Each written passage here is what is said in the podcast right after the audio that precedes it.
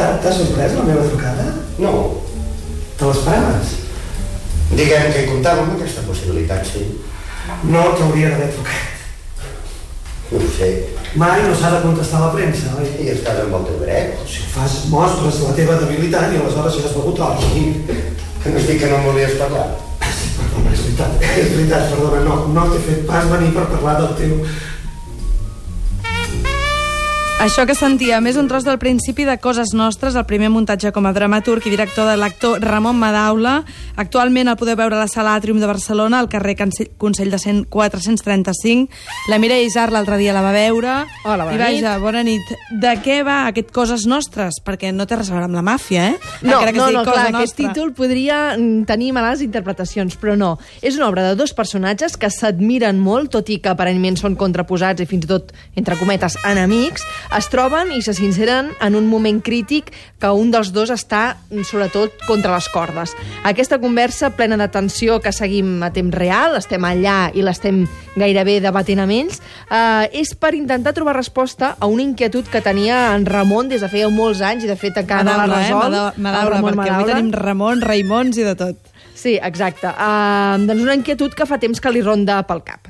Quins paràmetres fem servir per, per determinar la qualitat artística? Però no el teatre. Jo parlo de teatre perquè és el que, el que controlo. Però en general, no hi ha, o en l'art, no hi ha un senyor que digui aquest quadre és bo, aquest quadre és dolent. No hi ha paràmetres objectius. I això és una cosa que a mi sempre m'ha neguitejat molt, Normal, perquè els crítics diuen una cosa, però tu dius, home, jo hi he posat molt, tota la intenció i això ho he fet bé. I suposo que ell, estan exposats sempre a la crítica teatral, en sap molt de tot això. Sí, ell vol parlar, per això, evidentment, parlar del teatre perquè és el que coneix, però diu que vol com extrapolar-ho, eh? tota la cultura i tot l'art, no? Que, que està bé i que no. Això ho fa encarant un crític, l'actor, en aquest cas, Albert Pérez, i un director de teatre, interpretat per en Raimon Molins, que es reuneixen a l'espai d'assaig de l'artista després que el periodista hagi publicat una crònica demolidora sobre l'última estrena del director. I ara potser pensareu que aquí el Ramon, el que ha volgut fer el Ramon Madaula és com una venjança, no? I posar allò, eh, la, la premsa, deixar-la per terra, venjar-se Mm. d'algun moment que li van fer un mal comentari. Doncs no, diu que volia equilibrar les forces perquè el debat i el discurs fos més interessant. un crític honest que realment creu que està fent un servei i creu que està contribuint a l'excel·lència cultural del seu país. Ho creu fermament i fet molt l'esforç d'equilibrar-los de que no hi hagi ni guanyadors ni perdedors i no he volgut en cap moment que sigui la història d'un senyor que està enfadat perquè hem fet una mala crítica. No. El deure, el deure dels crítics, no? Què he de fer? He de deixar-lo bé perquè és amic meu, el conec, viu al costat de casa meva, o he de dir el que penso perquè puc ajudar la gent i perquè he de contribuir a la cultura del país? I a més a més, la meva opinió, que sóc una persona, és interessant o no és interessant pels que el llegeixen, no? Uh -huh. En Raimon Molins, que com dèiem és un dels protagonistes de l'espectacle, afegeix la seva opinió al debat. Jo crec que tots ens hem trobat amb... No, no, no es pot dir demolidora, injusta, subjectiva, on veus més que mai no? que molt sovint és, és subjectiu i aquesta subjectivitat depèn de molts factors Però, clar, Montse, una crítica, com ja apuntaves, pot fer mal, no? Perquè té poder una, una crítica publicada en un Home, mitjà. pot ser que ningú et vagi a veure l'obra de teatre. Exacte. I, a més a més, eh, en Ramon Madaula diu que, a més a més, ha anat constatant amb el pas del temps que a la gent li costa tenir una opinió personal i ens deixem... O sigui, la premsa té molt poder i ens deixem portar, no? No, I però vaig llegir a tal lloc que era molt dolenta. Exacte. I costa tenir criteri propi. També crec que hi ha molts prejudicis.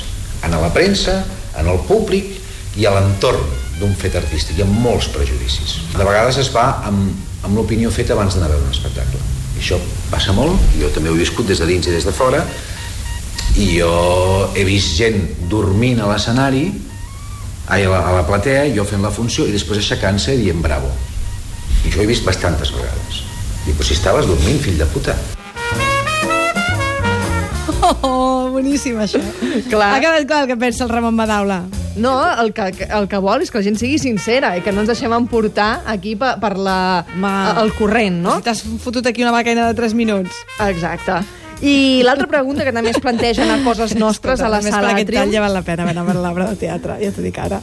Doncs a les coses nostres a la sala Atrium també es pregunten si els genis neixen i creixen sols o la crítica i la pressió és el que fa florir l'excepcionalitat. A l'obra hi ha aquest eh, fragment.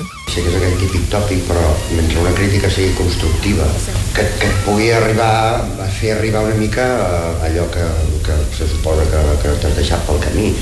Ara, per exemple, les crítiques també te les llegeixes i el que fan és explicar l'obra i al final mm, i estaven molt bé.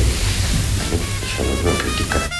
Aquest era l'Albert Pérez, no era el flamenc de l'espectacle, que és l'altre actor del muntatge, que explicava doncs, això, que una crítica, si té bona intenció, doncs eh, l'accepten. Però sentim eh, En ara Ramon, en no? Ramon Madaula, Sí. eh, que pensa una mica igual que els seus personatges, no? el mal que poden fer les crítiques. També hi ha un moment que ell diu, quan parla de la seva, diu, una bona crítica et pot confondre i et pot arribar... Pot enfonsar, Et, et pot arribar... la També una bona crítica de vegades també passa el contrari, que de vegades hi ha gent que tenen sempre molt bones crítiques i el que fan és que sempre acaben fent el mateix.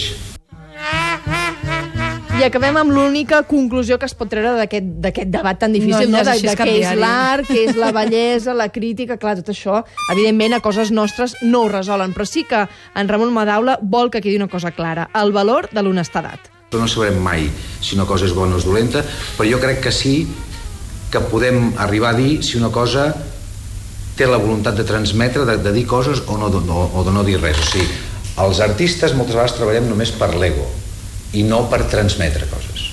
I això també és un altre tema per mi bàsic.